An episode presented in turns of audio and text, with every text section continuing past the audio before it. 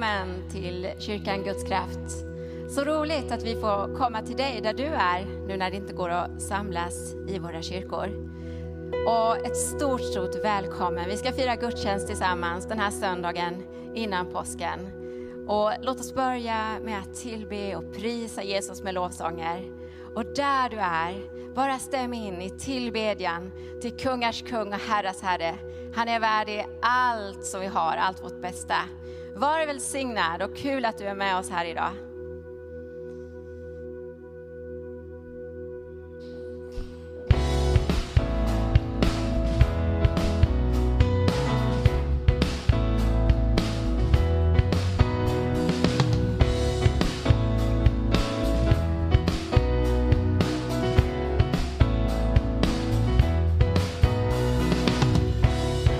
Idag vill jag komma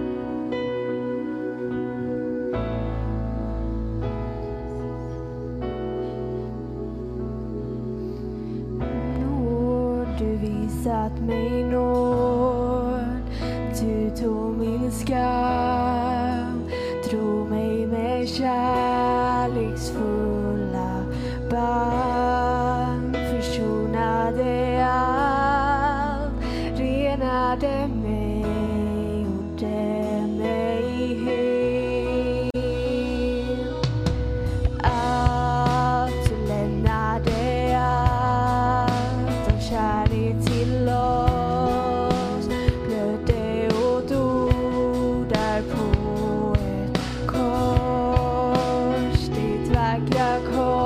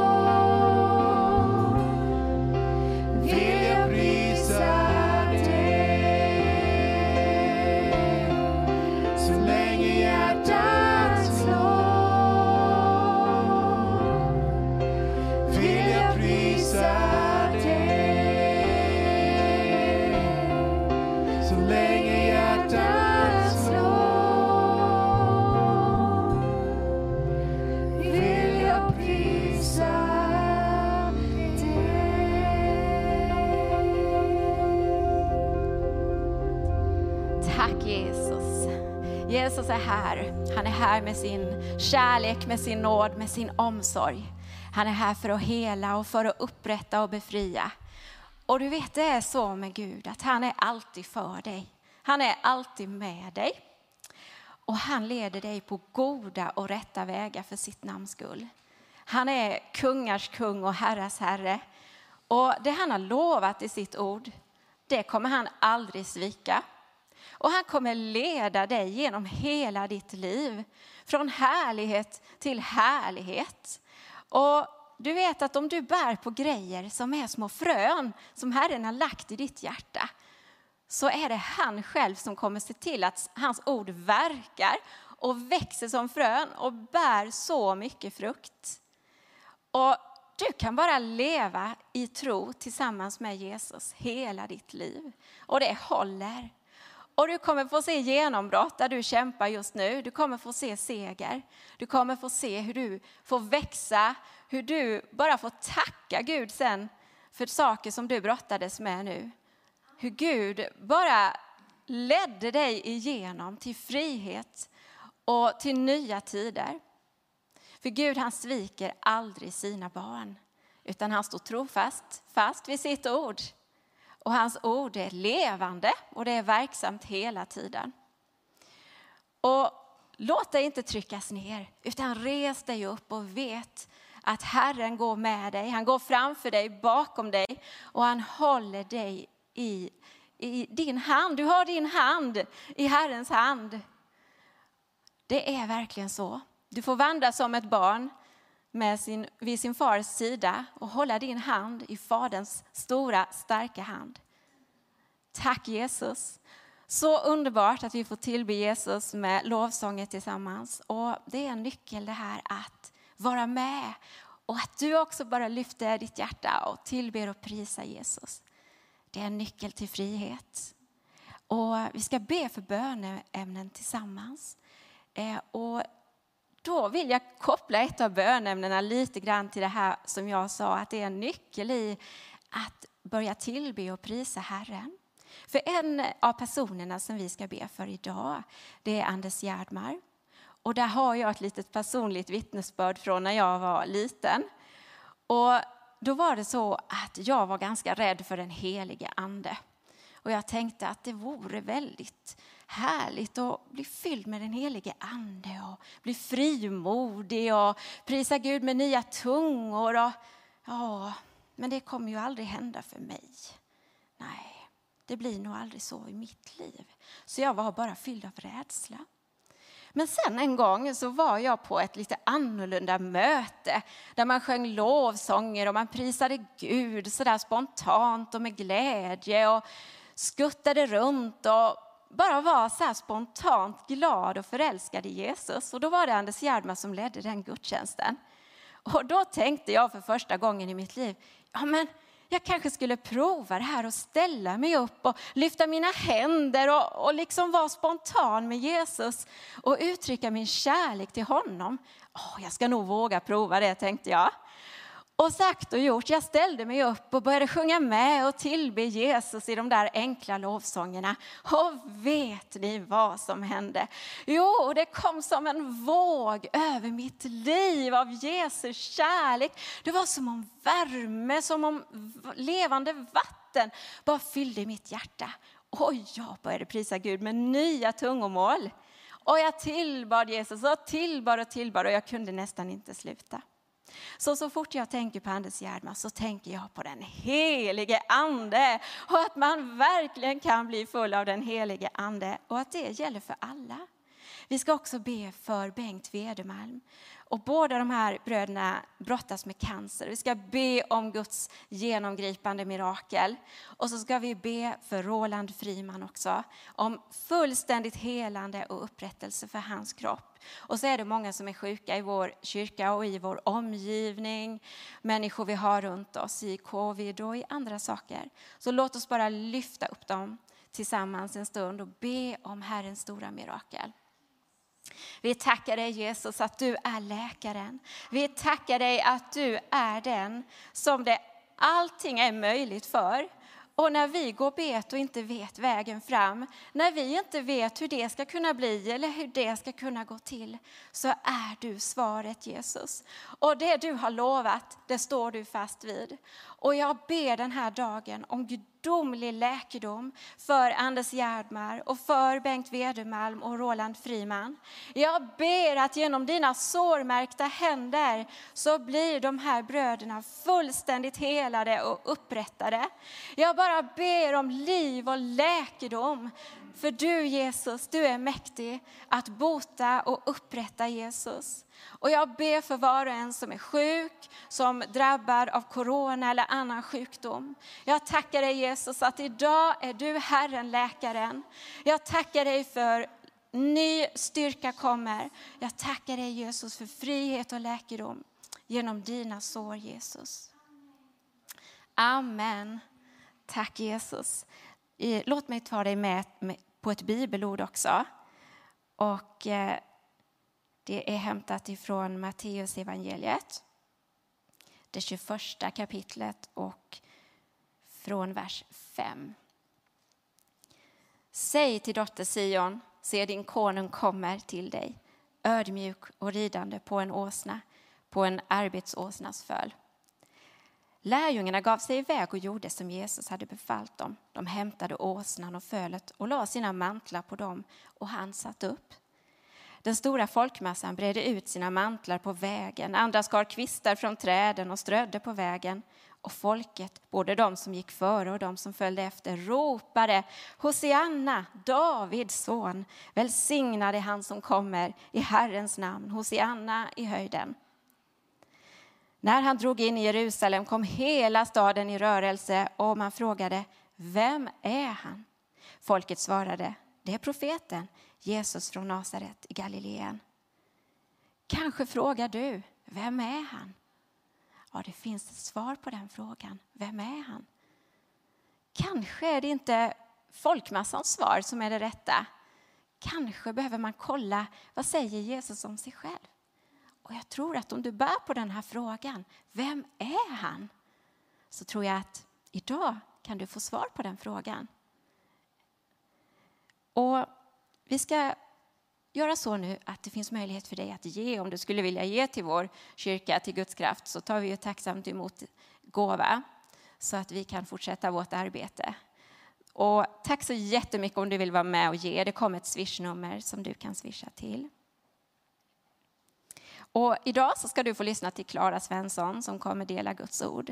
Och det kommer också vara så att det är nattvard efteråt. Så du kan få förbereda att du har någonting så kan du faktiskt vid skärmen också bara komma till, till Herrens bord. Han har gjort allt klart för det. Så får vi fira tillsammans, även att det är i en pandemitid, så gör vi det tillsammans.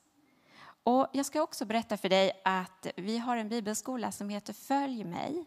Den är på måndagar klockan 18.30 och vill du vara med så behöver du anmäla dig till David Nyrén. Och hans telefonnummer är 070 60 67 510. 070 60 67 510. Och efter gudstjänsten så fortsätter vi med gemenskap i kyrkkaffe. Och det kommer efter en liten stund att komma ut en länk där du kan gå in och fortsätta gemenskapen. Vi lämnar över till lovsångarna och sjunger fler sånger och sen välkomnar vi Klara fram. Tack så jättemycket än en gång för din gåva och Gud välsigne dig. Amen.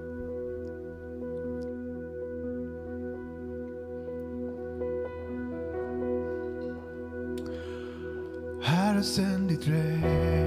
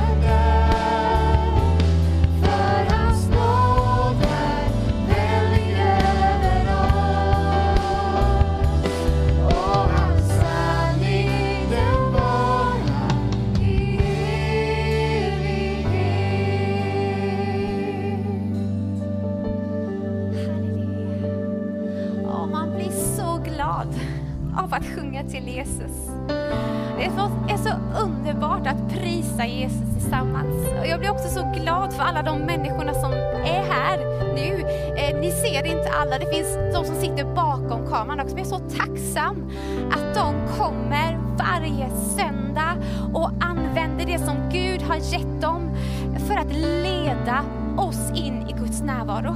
Jag är så tacksam för varje person i den här församlingen. Jag är så tacksam för er, att ni har lett oss in i Guds närvaro. Och vi ska bara, eh, oh, vi ska sätta oss ner i Guds närvaro. Eh, och eh, ja, jag ska predika för er idag. Tack hörni vänner. Oh, halleluja. Ja, jag har i vanlig ordning har med mig mina papper. Eh, och jag har också med min iPad idag, så vi får hoppas att allting löser sig för mig. Ni får ha tålamod med mig idag. Eh, man kan säga många saker om den tiden vi lever i nu. Men en sak som, har, som personligen har blivit en sån skatt och en sån styrka för mig det senaste året, det är Jesu blod. I våras när allting liksom började hända så sökte jag Gud och frågade Gud, vad ska vi göra med det här? Och då sa, sa han bara så här, Jesu blod, Jesu blod räcker. Eh, och jag förstår inte allt av detta, men jag jag upplever hur uppenbarelsen av Jesu blod förvandlar mitt liv. Och jag ser fram emot att se mer av detta. Idag vill jag dela med dig vad Gud har visat mig. Eh, och jag har bett att både du och jag efter den här predikan ska tro mer att Jesu blod, det räcker för mig. Eh, ibland kan vi tänka så här att, amen, ska vi verkligen prata om blodet? Och speciellt lammets blod. Eh, djurblod. Människor kanske blir rädda då eller tänker så här, vad är det för hokus pokus de håller på med där borta på Guds kraft? Men alltså, jag tror att vi ska prata mer om det. Vi ska prata mycket om Jesu blod. Vi ska prata om det och söka att förstå det och vi ska äta detta ordet. Du vet när vi läser Bibeln eller någon undervisar eller predikar så äter vi Guds ord. Eh, och Jesus säger så här, jag är livets bröd. Så vi sitter nu utplacerade på olika platser, men vi sitter ner vid samma bord. Du och jag, vi sitter ner tillsammans vid Jesu bord och vi ska få äta mat idag. Eh, jag gillar att laga mat. Och jag gillar att testa ny mat. Eh, ibland blir min familj jätteglad och ibland säger de så här att kan vi få makaroner och falukorv? Men du vet ju det när man ska eh, testa ny mat. Eh, alltså, det kan smaka lite konstigt för att det är ovant. Det behöver inte vara något fel på maten men den är ny. Och allt som predikas ska prövas. Eh, vi ska kunna se det i Bibeln och vi ska kunna känna igen den helige ande i det. Och, och sanning ska tala i kärlek. Men ibland behöver vi bara ha lite tålamod när vi äter och låta det sjunka in och stanna kvar vid ordet. Och vissa av oss har säkert hört budskapet om blodet hur många gånger som helst. Men kanske är det nytt för dig idag. Eh, och då ska du bara ha tålamod och, och bara stanna kvar vid budskapet. För budskapet om Lammets blod, om du stannar kvar vid det så kommer det växa och växa och det kommer bära så god frukt i ditt liv. Eh, jag tänkte att vi skulle börja i änden av att se Jesus som Guds lamm. Varför säger vi så? För att det står så i Bibeln för det första. Och då kanske du tänker, ja absolut, i gamla testamentet så står det mycket om sånt. Men Jesus som Guds lamm är ännu mer framträdande i Nya Testamentet. Det är liksom det nya förbundet, Nya Testamentets budskap. När Johannes döparen ser Jesus komma så säger han, se Guds lamm som tar bort världens synd. Och den bok som nämner lammet mest i Nya Testamentet är Johannes uppenbarelsebok.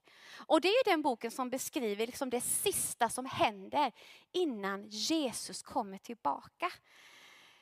Eh, och i den boken så framträder lammet som tydligast. Så det är verkligen ett budskap som är för framtiden, för nu. Eh, det finns ju ytterligare en bild eh, av Jesus som går bredvid bilden av lammet kan man säga. Och det är i Jesus som ett lejon.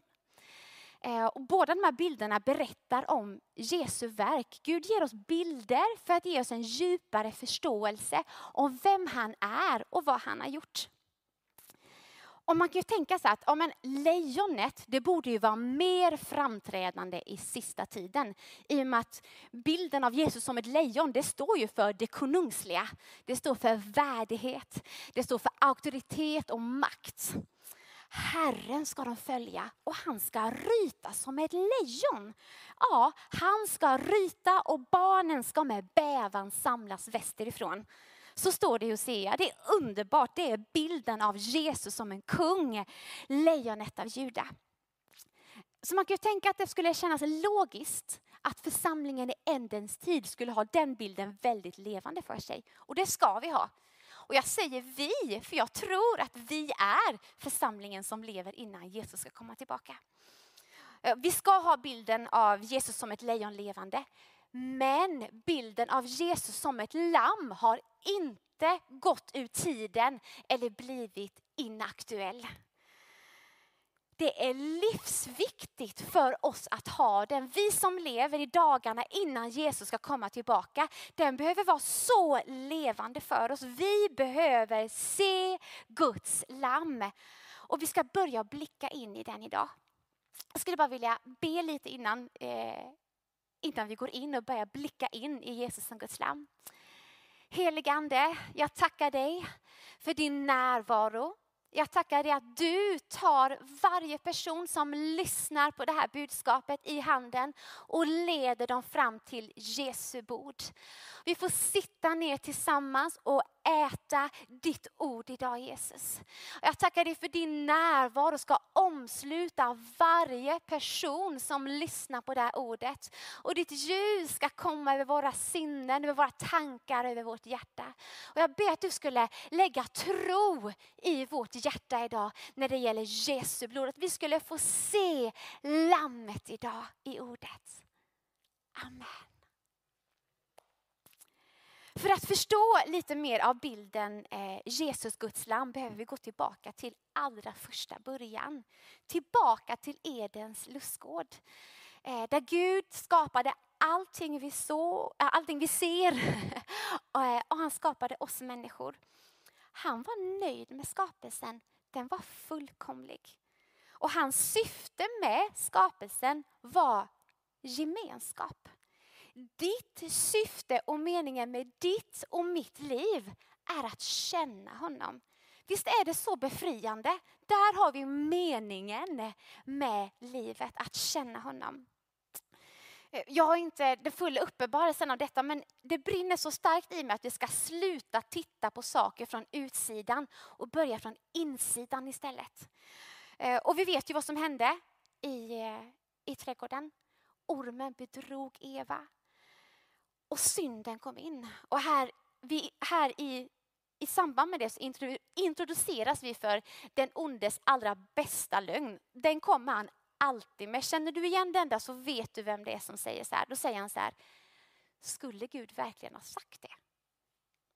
Kan du verkligen lita på Gud att han skulle hålla sitt ord?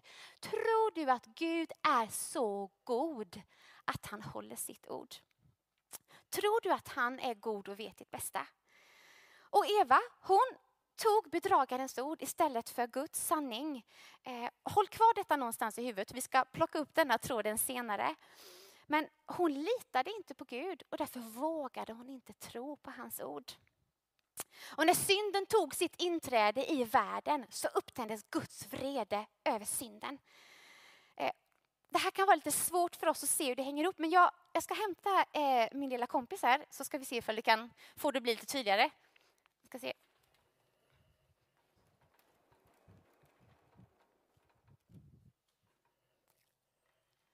Så, det här är första gången jag gör något sånt här. Så då får ni höra av er till mig och säga så här, det här syns eller inte, det här, eller det här funkar inte. Men jag, jag ville bara Eh, rita upp och skriva upp, för det är på något sätt så här jag ser det i mitt huvud när jag läser Bibeln, så ser jag det här.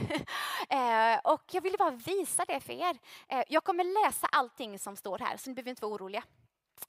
Men vi börjar längst upp helt enkelt. Och där står det ju följande. Att känna Gud är evigt liv. Det är syftet och meningen med ditt liv.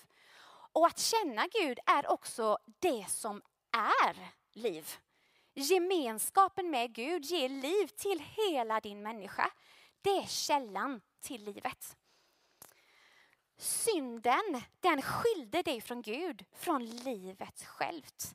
Syndens lön är döden. Varför är den det? För synden bryter din gemenskap med Gud. Vilket innebär att du blir separerad från källan till livet. Och där det inte finns liv, där finns det död. Och på detta sättet kom döden in i skapelsen. Innan synden fanns, då fanns ingen död. Efter synden så kom människan och hela jorden kom in under syndens lag och dödens lag som vi kan läsa om i Romarbrevet 8 bland annat. Och vad är det? Det är ett liv som slav under synden med bara en utgång. Och det blir ett liv som bär frukt åt synden. Du kommer vara styrd av dina egna begär och bära frukt som vrede, avund, hat, själviskhet, bitterhet, splittring, lögner och så vidare. Ett liv under syndens lag leder till död. En evighet skild från Gud. Men hans hjärta, alltså Guds hjärta, det brinner av kärlek och nöd för att få tillbaka gemenskapen med människan. Hans hjärtas kärlek det brinner för att rädda människan från synden. Och från denna kärleken så kommer vreden över synden. Förstår ni? Han är liksom inte en, en surgubbe som sitter och blir arg för att vi inte gör som han, han vill. Utan det är hans stora kärlek som driver honom till detta. Han ser vad synden gör med människan. Och han tänker så här, synden måste bort från skapelsen till varje pris. Och här kommer blodet in. Istället för att döda människan liksom och börja om från början så låter han ett djur ta straffet för synden.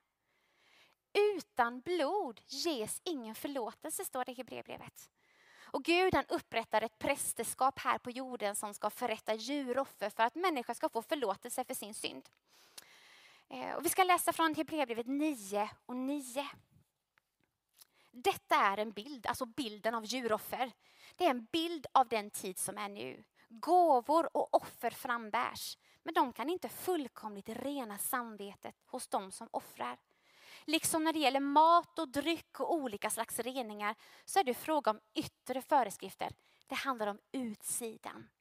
Fram till, fram till tiden för en bättre ordning då det handlar om insidan. Och djuroffer det gav en tillfällig förlåtelse och gemenskap med Gud men kunde inte ta bort synden ur människan. Det kunde inte tvätta människan ren utan bara ta straffet för synden. Djuret tog straffet för synden men människan var fortfarande oren på insidan. Men Gud hade förberett en bättre ordning. Det var Jesus, Guds lamm. Han förberedde ett offerlamm, ett felfritt lamm som kunde utplåna synden, står det i brevbrevet 10.6. Och skapa frid i kraft av blodet på jorden och i himmelen. Frid genom Lammets blod, ett fullkomligt verk. Lammets blod som kopplade ihop dig igen med källan till livet och du kommer till liv och döden skiljs bort ifrån dig. Jag tror att vi behöver börja se liksom hur körda vi är utan Jesu blod. När vi börjar liksom titta på detta så är det så mycket, upplever jag i alla fall, av mitt eget som faller. Så tror vi att vi själva med våra egna grejer kan rädda oss från döden. För det är det det handlar om. Det handlar inte om att nu får du sluta göra dumma saker. Det är inte det det handlar om. Utan det handlar om död eller liv.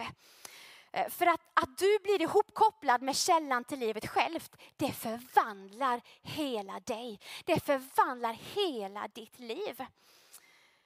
Har du något att sätta upp mot döden? Vi kan inte frälsa oss själva. Och det blir så dumt när man tänker på det. Man, man tänker så här bara, eh, hej Gud, här kommer jag.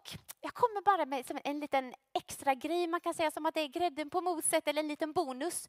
Jag, bara, jag vet ju att det är Jesu blod som har frälst mig. Men jag tänker att jag bara lägger till en grej så kanske jag kan komma i lite som, bättre dagar hos dig.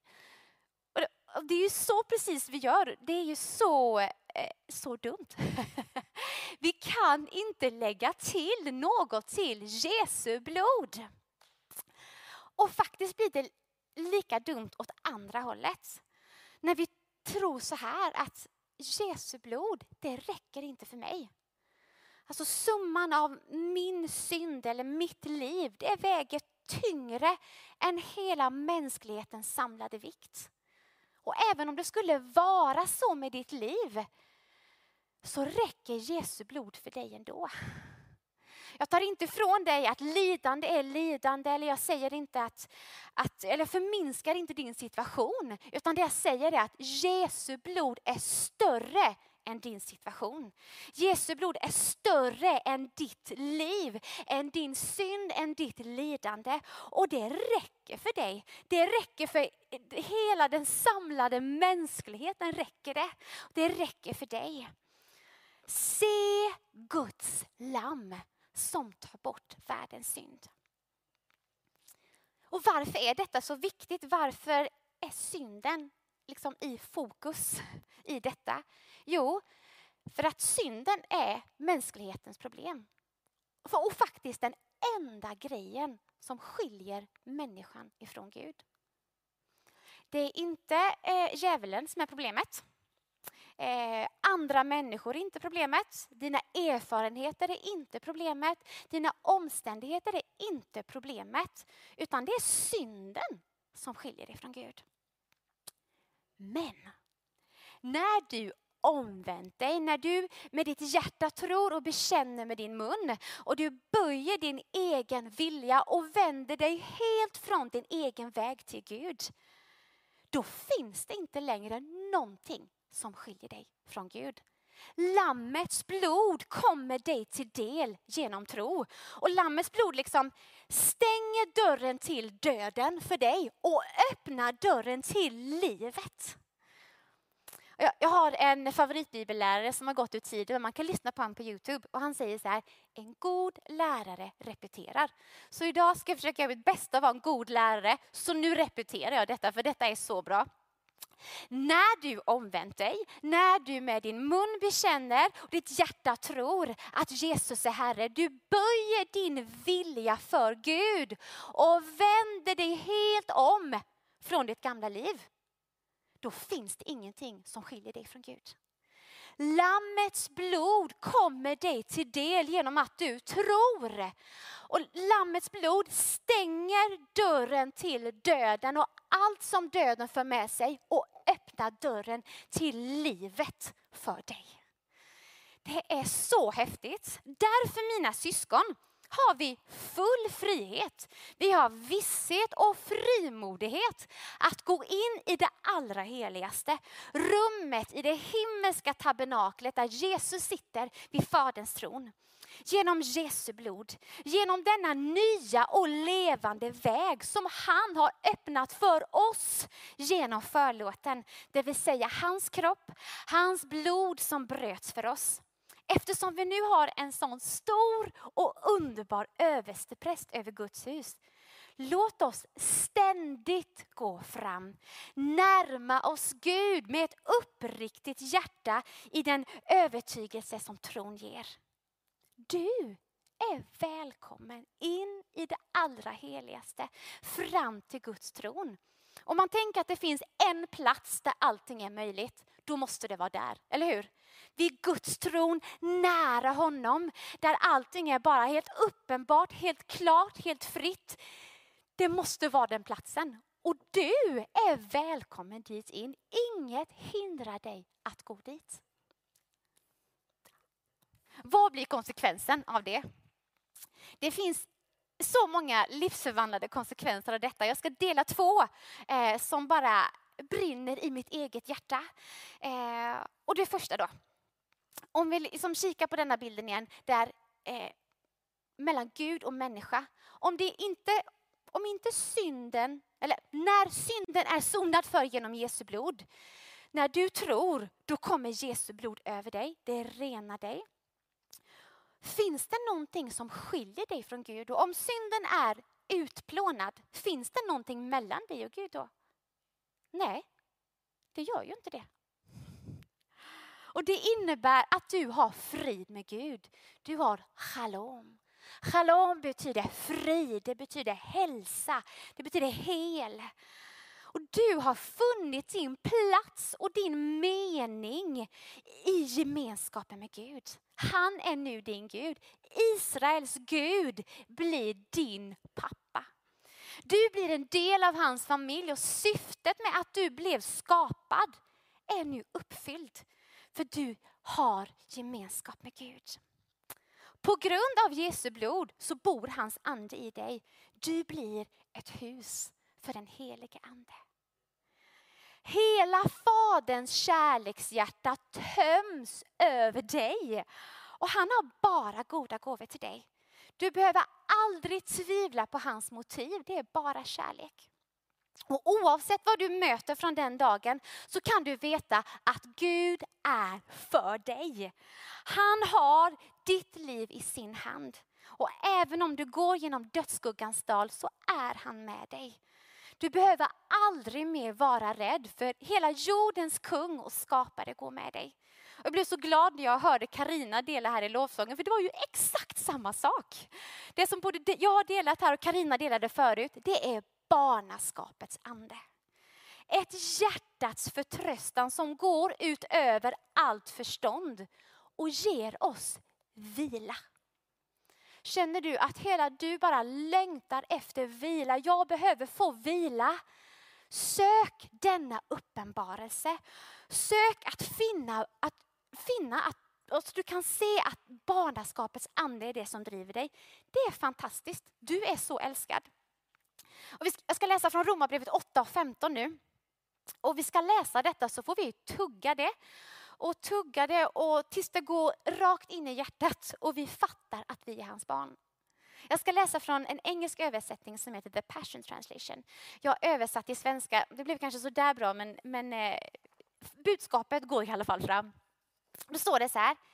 Det som driver dig nu, det är inte en ande av religiös plikt eller skyldighet som leder dig tillbaka in i fruktan av att aldrig räcka till. Utan du har fått en ande av att vara fullt ut accepterad och välkommen till Guds familj. Du är helt omfamnad. Du kommer aldrig mer att känna dig ensam, faderlös eller utan försvarare. För hans, Jesu ande bor i dig och tillsammans med hans ande så enas ni i ett rop av öm tillgivenhet. Älskade pappa. Denna barnaskapets ande bor i dig. I kraften av Jesu blod. Sök tills du finner den. Be den helige ande att visa dig. Man får bara liksom ibland lägga händerna på sitt eget huvud och bara helige ande tvätta mina tankar rena med Guds ord. Förnya mina tankar så jag fattar att jag är Guds barn. Den andra saken jag skulle vilja dela med dig idag är, är att Jesu blod har friköpt dig. Det här är en stor bit, det är liksom som en stor köttbit. Vi får börja tugga lite idag, sen får vi fortsätta äta av detta ordet. Eh, Romarbrevet 3 och 23 sammanfattar detta så bra. jag ska läsa för dig. Alla har syndat och gått miste om härligheten från Gud. Och utan att ha förtjänat det blir de rättfärdiga av hans nåd. Eftersom han har friköpt dem genom Kristus Jesus. Gud har låtit hans blod bli ett försoningsoffer för den som tror. Vad står det här? Det står så här att synden skilde dig från Gud och du förlorade din plats som hans son och dotter. Och den härligheten som visar sig över Guds barn, den tappade vi. Men utan att göra någonting själva så klev Jesus in och gjorde det som ingen annan kunde. Han skapade frid mellan dig och Gud genom sitt blod. Han friköpte dig. Vad betyder friköpt? Detta ordet används, äh, översätts också med andra ord och de andra orden är befriad, räddad, upprättad, återlöst. Jag gillar det här ordet återlöst för det pekar mot gemenskapen med Gud.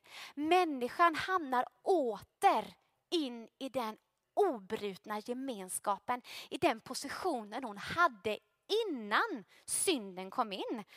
Den för oss tillbaka till skapelsens början. Och hur var det vid skapelsen? Då står det så här att Gud såg på allt som han hade gjort och se det var mycket gott. Det fanns ingen ondska, det fanns ingen brutenhet, ingen destruktivitet, ingen smärta, inget svagt, inget krokigt. Allting var helt. Det var helt. Och på grund av Jesu blod så upprättar Gud människan totalt. Inte delvis utan fullt ut. Han med sitt blod, han köper tillbaka dig från synden och frikänner dig från din skuld. Synden förde med sig död in i ditt liv, inte bara en evighet skild från Gud, utan också ett liv på jorden under synden. Men nu så både förlåter han dig och så helar han dig totalt från allt det som synden har gjort i ditt liv. Du är förlåten på grund av Jesu blod och på grund att du har frid med honom så blir du frikänd, återlöst, räddad, befriad och upprättad. Som om du aldrig hade syndat. Inget ont, inget brutet, svagt, krokigt, smärtsamt eller destruktivt. Du blir hel. Det är vad ordet säger. Detta eh, får ju enorma konsekvenser för våra liv. Och jag, jag, tror att vi dagligen behöver äta på detta ordet. Bara, vad betyder det att jag är friköpt? Det är lite för stort för våra mänskliga sinnen att ta in och det kan smaka lite ovant. Och vi kan tänka så här, bara, nej men, alltså kan Gud verkligen vara så här god? Kan Jesu blod verkligen upprätta mig helt och hållet? Är det verkligen möjligt för mig att kliva in i ett helt nytt liv? Kommer du ihåg Eva i lustgården? Hon vågade inte lita på Guds godhet och därför kunde hon inte tro på ordet. Men det är så här att du kan lita på Gud som ett barn. Gud är precis så här god. Jesu blod räcker för dig och det är på grund av hans blod som du är frikänd, räddad, befriad, upprättad och återläst. Eh, jag ska försöka bena ut några saker som sker på grund av att du är frikänd. Jag ska ta fram en ny bild. Hoppas att det går smidigt. Jag tror det. Nu ska vi se. Där, det gick smidigt. För det första då. Gud ser på dig som om du aldrig hade blivit skild från honom. Dina synder kommer han inte mer ihåg. Han håller ingen katalog och så bara vid, liksom en, vid, vid givet tillfälle bara smackar dig i huvudet. Kommer du ihåg det här? Han gör inte så. Utan han, har, han kommer inte ihåg dem. Han ser inte din synd längre. Så det innebär att du faktiskt kan vakna trygg varje morgon. Och bara, tack Jesus. Åh, tack Gud att jag får vara ditt barn. Tack att jag får vara din son. Jag får vara din dotter. Tack att du älskar mig. Hebreerbrevet 7 och 25 säger så här. Därför kan han, han, alltså Jesus, också helt och fullt frälsa dem som genom honom kommer till Gud. För han lever alltid för att mana gott för dem. Alltså, du kan vakna varje morgon och veta så här bara, Jesus ber för mig. Han manar gott för mitt liv. Du kan vakna varje morgon med tillförsikt och glädje och tacksamhet. För du är hans barn. Din själ blir hel. Den får frid med Gud. Och allt gammalt som gjort ont, det blir läkt. Eh, vi bär alla med oss bagage, mer eller mindre, men inget själsligt eller känslomässigt bagage är för stort för Jesus. Han är ju den som tar hand om våra själar. Han ger dem vård, han ger dem omsorg. Han lägger bandage om din själ och gör den hel. Och han är liksom inte han är inte okänslig och säger så här, men skärp dig nu, upp och hoppa, det var inte så farligt. Utan Jesus han har sånt tålamod med oss. Och han är så full av medlidande. Jesus är så snäll. Våga ge din själ, dina känslor, din smärta och dina dåliga minnen till honom. Det behöver inte vara en del av den du är. Utan Jesus kan hela dig. Och du får säga så här. Jesus, jag tror att ditt blod räcker för min smärta. Jag tror att ditt blod räcker för det som jag har upplevt och för mina dåliga minnen. Jag tror att ditt blod kan hela min själ. Och återigen så handlar det inte om att, att någon förminskar din situation. Utan det är bara att Jesu blod är större än det. Och det är så underbart. Död och sjukdom bryts i din kropp. Sjukdom fanns inte innan syndens inträde. Jesus förlåter dig all din synd och botar alla dina sjukdomar. Det här så brinner så starkt på min insida. Eh, vi har ju, antingen så kämpar vi med sjukdom själva eller så har vi människor nära oss som vi känner som kämpar med sjukdom. Och jag tror att det finns en sån enorm kraft och skatt i detta. Att vi fattar att synden är sonad för. För det är samma, samma kraft, samma blod som sonade din synd. Den botar också din sjukdom. Jag säger inte, alltså verkligen inte att om du är sjuk så har du syndat. Det är inte det jag säger. Och det är inte, jag säger inte att om du inte blir frisk så har du inte tillräckligt med tro. Det är absolut inte det jag säger. Det jag säger är att Jesus betalade priset för hela ditt liv. Att han har betalat priset för din synd och du blir frikänd från syndens konsekvenser i ditt liv. I Edens lustgård fanns ingen sjukdom. I himlen finns ingen sjukdom. I Jesu kropp finns ingen sjukdom. Och det här är ju det som fantastiska. Att du är en del av hans kropp. Du är en del av hans kropp. Så samma liv som pulserar i Jesus, det finns i dig. Vilket innebär att att sjukdomen bara måste lämna för Jesu liv finns i din kropp. Det är sanningen och även om vi inte ser det hela tiden så ska vi bara som hålla fast och kämpa trons kamp för att det ska bara bli synligt i våra liv, i våra kroppar och i den här staden. Och jag har bett att den helige Ande ska bara uppenbara detta för oss, visa kraften i blodet på alla plan.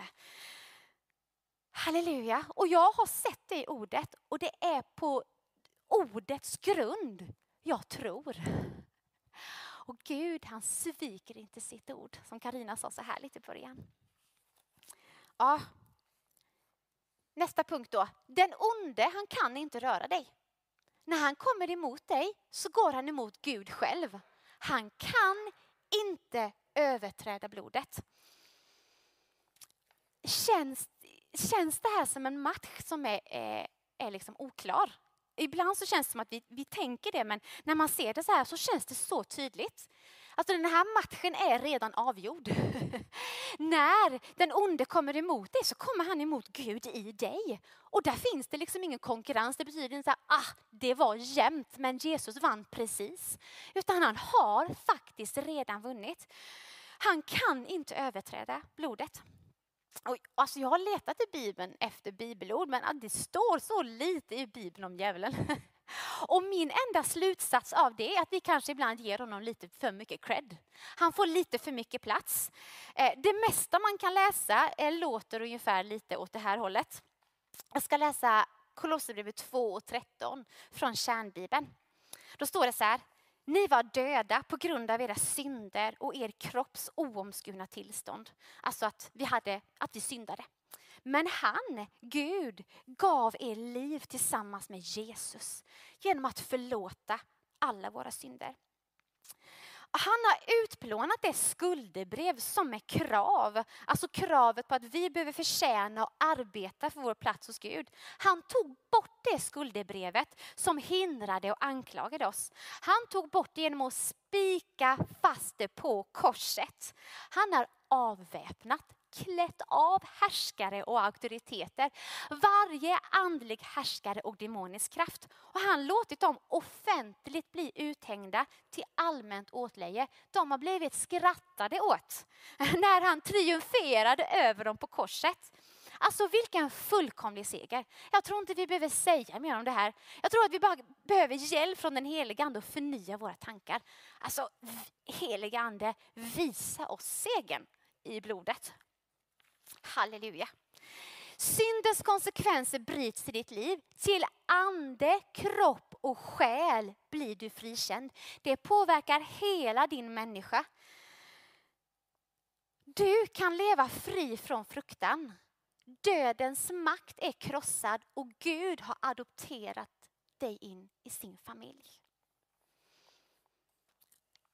Jag tror att eller jag vet att ingen av oss fattar det här fullt ut. Men jag vet att vi behöver börja äta denna maten. Och du kanske redan äter den, men jag tror att det finns många som inte äter redan av denna maten. Vi behöver börja äta den. För denna maten är för denna tiden. Hur kan jag så frimodigt säga detta? Jo, för nu ska vi gå till Uppenbarelseboken. Uppenbarelseboken 12. Eh, och i Uppenbarelseboken 12 så kan vi läsa om en strid i den himmelska atmosfären. Om hur Guds änglar de strider mot draken som är Satan. Det står så här, Satan den gamle ormen, den som, han som bedrar hela världen, han var inte stark nog. Så han och hans demoner de förlorar sin makt och sin position och faller ner till jorden. Och då står det så här i vers 10 då, ska vi läsa. Och jag hörde en stark röst i himmelen säga nu har frälsningen och makten och riket blivit Guds och väldet hans smorde.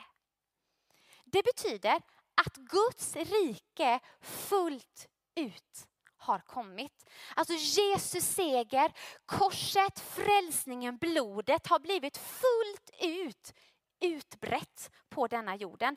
Hans seger finns över hela jorden och kung Jesus kan komma tillbaka och regera i riket. Hur har detta gått till? Vi ska fortsätta läsa vidare i vers 10. För våra bröders åklagare, åklagaren är också en av Satans namn, han har blivit nedkastad.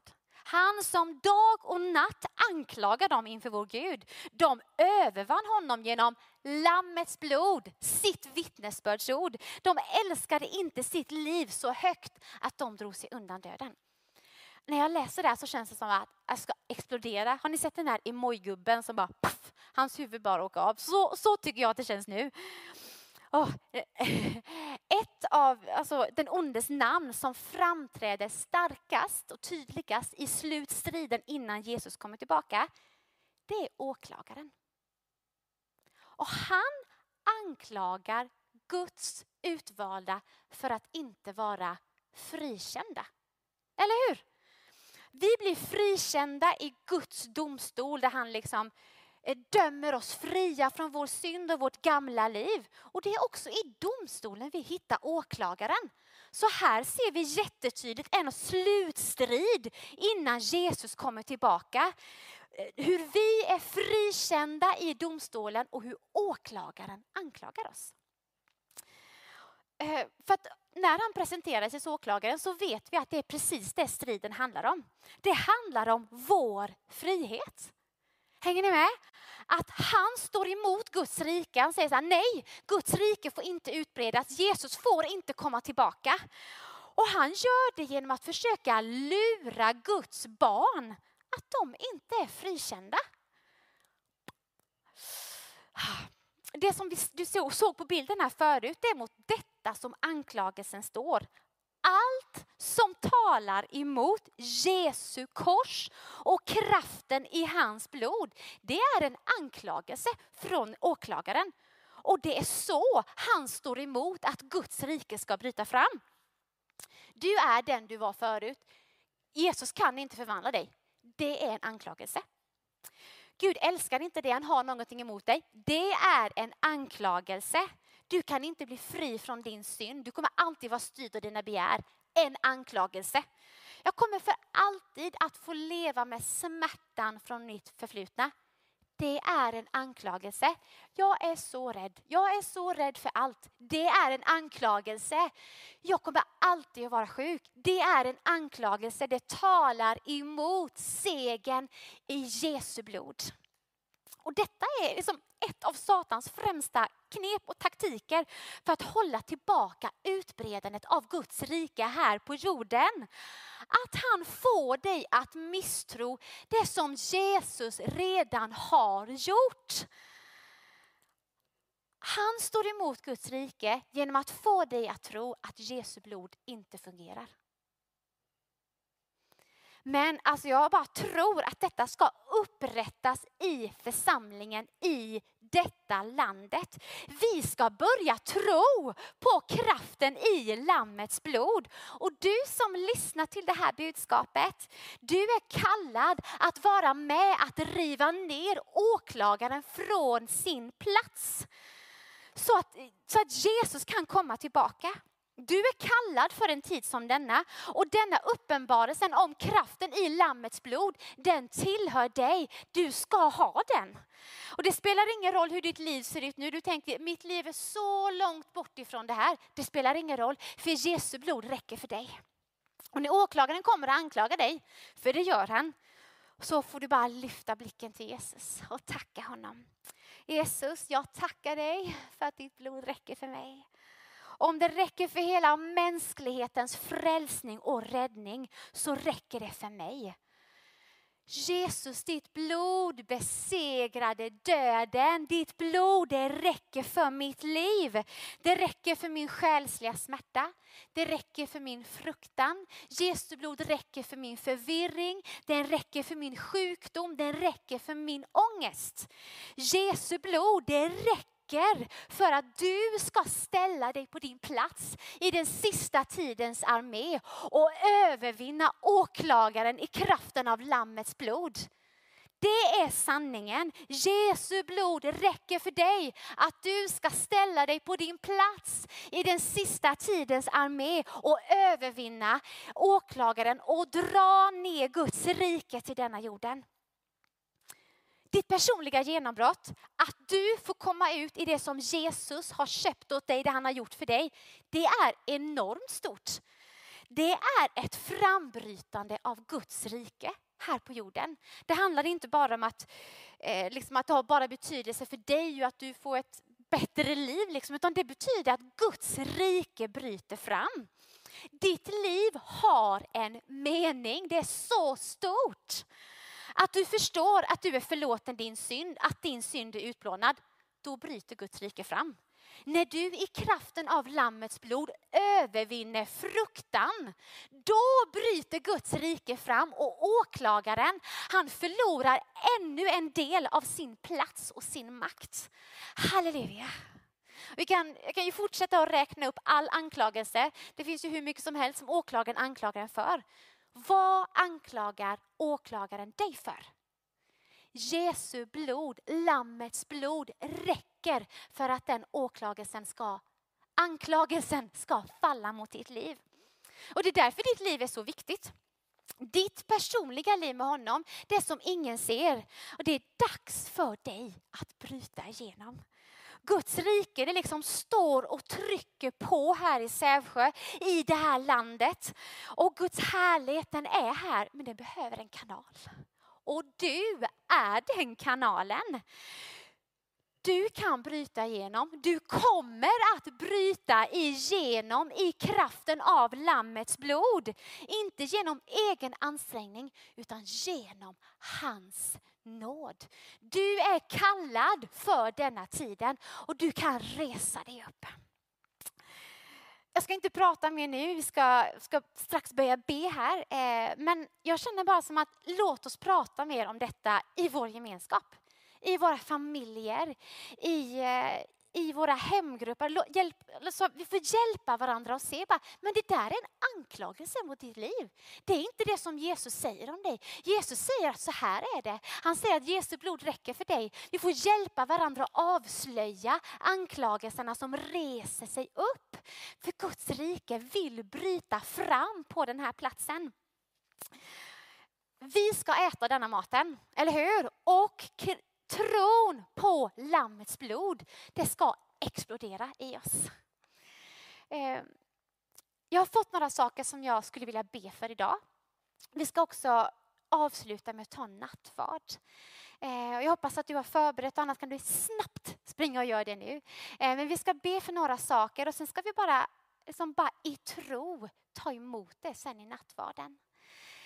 Och det som jag skulle vilja be för dig speciellt. Eh, vi har pratat mycket om omvändelse, det sista i församlingen. Och vi ska inte liksom börja misstro vår frälsning. Men jag tror faktiskt att vi behöver vara modiga och fråga Gud, har jag omvänt mig? Det finns ingen, ingen fruktan eller skam i en sån fråga. Och har du omvänt dig så kommer den helige Ande och han kommer bekräfta dig med sin frid. Och har du inte omvänt eller du vet liksom fastnat någonstans på vägen i omvändelsen, då kommer den helige Ande också. Och så leder han dig med, med sin frid. Då leder han dig in i omvändelse och förkrosselse över din synd. Och det är ljuvligt att få bli omvänd av Gud. Ta emot detta ordet och var modig och fråga Gud. För Guds rike vill bryta fram genom ditt liv. Eh, och nästa grej som jag skulle vilja be för är, kom du ihåg vad jag sa om Eva i lustgården där? Hon litade inte på Guds godhet. Och det ledde till att hon liksom inte vågade gå ut i tro. Och tron kommer eh, liksom få sin styrka i förtröstan på Guds godhet. Eh, och jag vet, och det har man ju själv fått uppleva ibland, att det känns som att man, man står utan försvarare.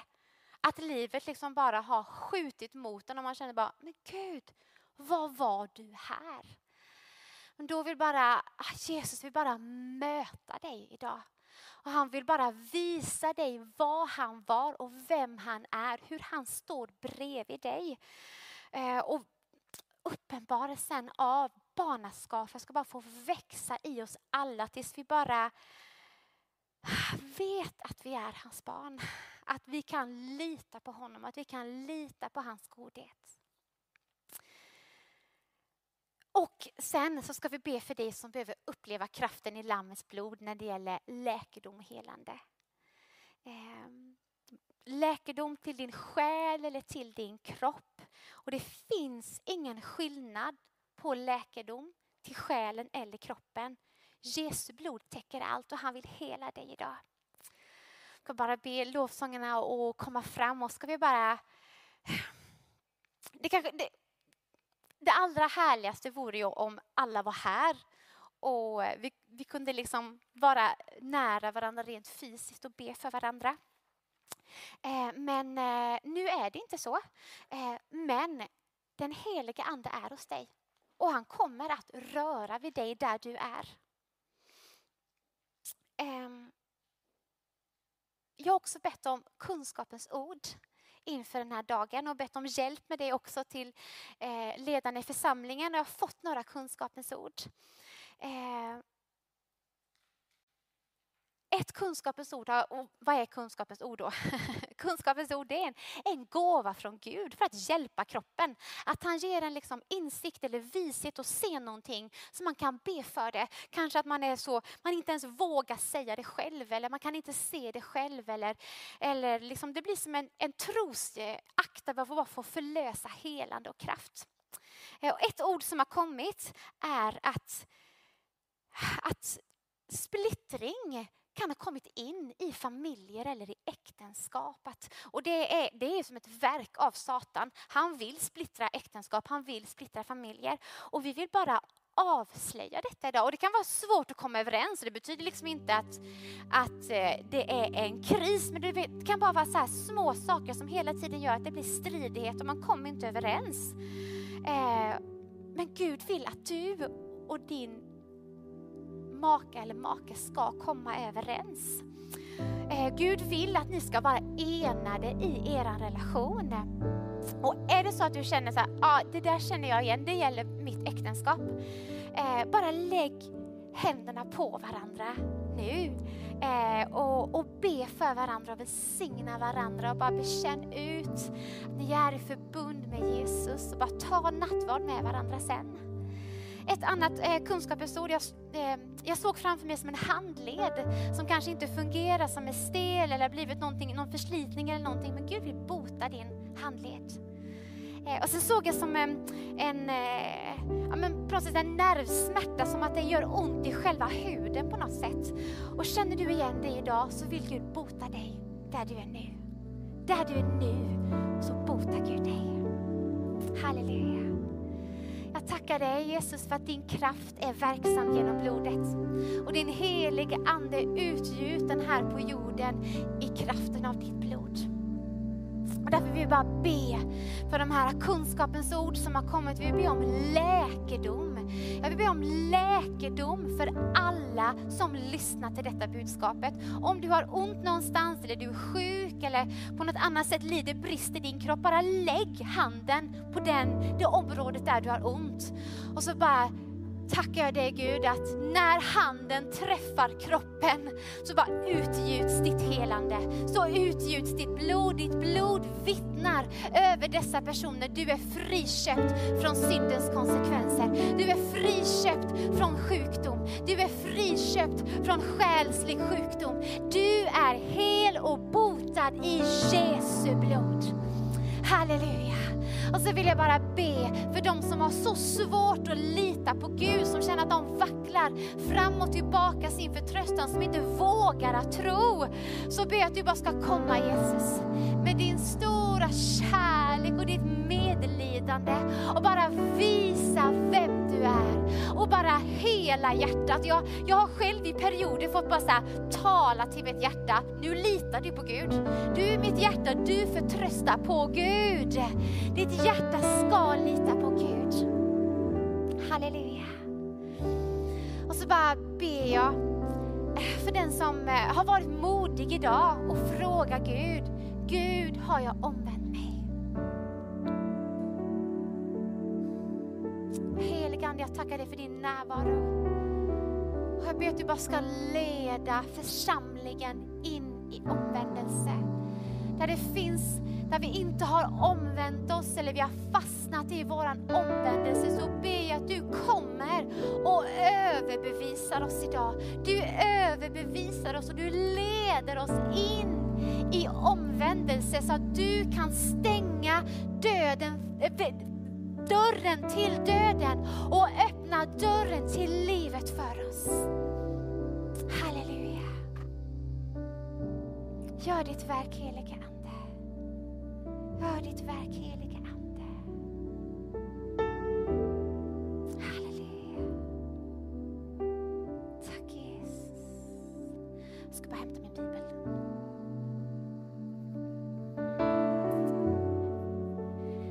Vad vi ska göra nu? Nu ska vi ta nattvard.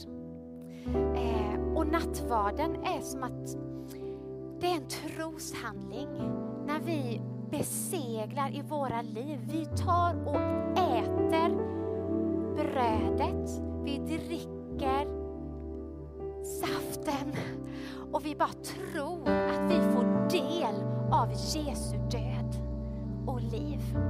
Jag ska bara läsa eh, några verser från första Korinthierbrevet. Jag har tänkt på detta många gånger. Så bara, hur såg det ut när Paulus fick ta emot den här uppenbarelsen? Då säger han så här, jag har själv tagit emot från Herren vad jag meddelar er. Alltså så underbart. Jesus själv kom till Paulus och visade honom storheten och kraften i nattvarden. Jesus kommer till dig idag och han visar dig, du får ta emot uppenbarelsen av nattvarden.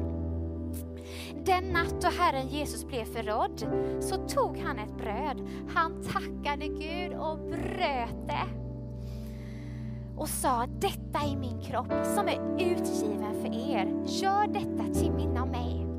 På samma sätt så tog han bägaren efter måltiden sa denna bägare är det nya förbundet i mitt blod. Så ofta ni dricker av det, gör det till minne av mig. För så ofta ni äter detta bröd och dricker av denna bägare förkunnar ni Herrens död tills dess han kommer.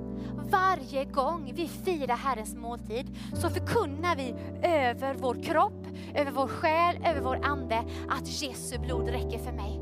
Halleluja, Jesu blod räcker för mig. Och jag fastnar så vid detta ordet idag. För den som äter och dricker utan att urskilja Herrens kropp, han äter och dricker en dom över sig. Därför finns det många svaga, sjuka bland er och ganska många ins insomnade. Du får pröva detta med mig. Men jag tror att det hänger ihop med, med bibelordet i, i kapitlet innan där det står så här. Välsignelsens bägare som vi välsignar är inte den gemenskap med Kristi blod. Brödet som vi bryter är inte det gemenskap med Kristi kropp. Idag ska vi urskilja att vi sitter ihop med kroppen. Du är en del av Jesu kropp och det livet som finns i hans kropp, det kommer nu in i dig.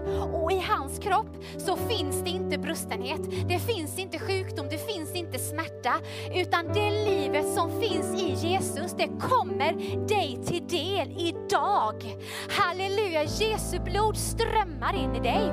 Och har, har du varit inkluderad i bönen här så bara tar du emot. Jag tar emot omvändelse idag. Du heligande, du omvänder mig idag. Jag tar emot hjärtats förtröstan. Jag tar emot läkedom och hälsa. Halleluja, jag tar emot välsignelse från Gud. Ja, vi ska bara sjunga en sång till Jesus innan vi, vi delar måltiden med varandra. Och vi ska bara se Guds lamm tillsammans idag.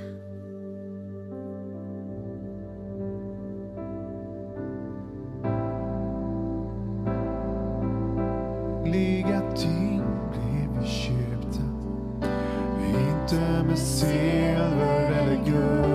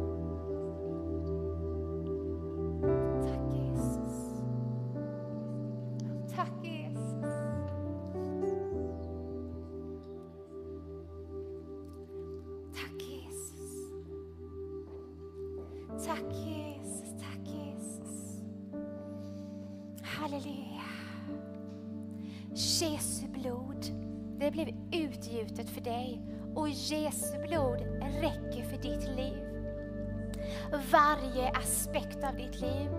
Och Jesu blod, det räcker för covid också. Det räcker för att skydda, det räcker för att bota och hela dig.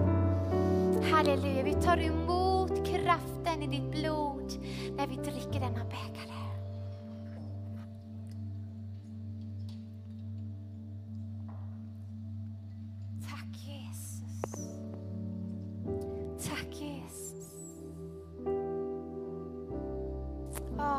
Ande, jag tackar dig för din ljuvliga närvaro. Jag tackar dig att vi sitter tillsammans, jag så ser församlingen sitta tillsammans vid ett stort bord där vi sitter och vi äter av det goda som Jesus ger. Det står att han dukar för oss ett bord i våra ovänners, ovänners åsyn. Och det är dukat för dig. Det är dukat för dig dagligen. Dagligen får du sätta dig vid Herrens bord och ta emot det goda.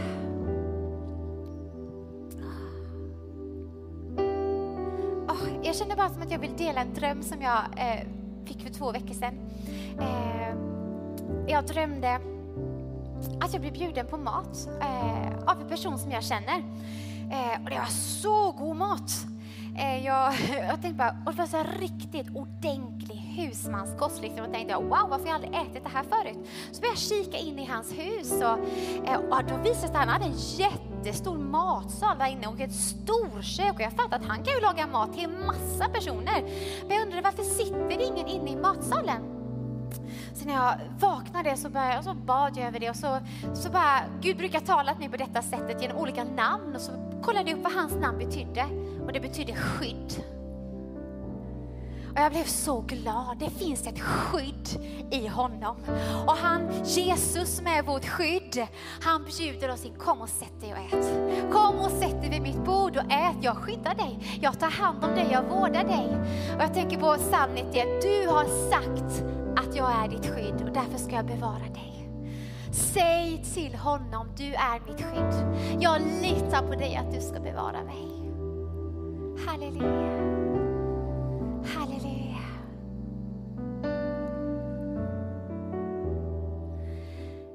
Jag känner också som att jag vill fråga dig bara, eh, ja nu kan du inte prata med mig men jag pratar med dig. men du kanske lyssnar som inte känner Jesus. Eh, och då vill jag bara säga till dig att Jesu blod det räcker för dig och det är redan utgjutet för din skull. Och vill du ta emot frälsning idag så finns den helige Ande hos dig. Den helige Ande är hos dig och han kommer leda dig in i frälsning. Det står att när vi med vår mun bekänner och hjärta tror att Jesus är vår Herre, när vi ber att Gud ska förlåta oss vår synd, när vi ber att omvänd mig, jag vill inte ha någonting med mitt gamla liv att göra, då kommer han och så leder han oss vidare. Och vill du göra det så är det möjligt för dig där du är att göra det. Du får också jättegärna höra av dig till oss. Om du vill ha vidare, liksom, jag vill vandra med Jesus, jag vet inte hur jag ska göra, eller jag har det här behovet, jag är sjuk, eller jag lider brist på något sätt, så hör av dig till församlingen, så vill vi så gärna stå med dig. Jesu blod räcker för dig. Eh, om en liten stund så ska vi fortsätta gemenskapen med kyrkfika. Eh, hoppas att du kan vara med och fika, men innan vi gör det så ska Karina dela ytterligare en sak med oss. Det var så härligt att få sitta vid Jesu bord med dig idag. Eh, vi ses en annan dag vid Jesu bord. Tack!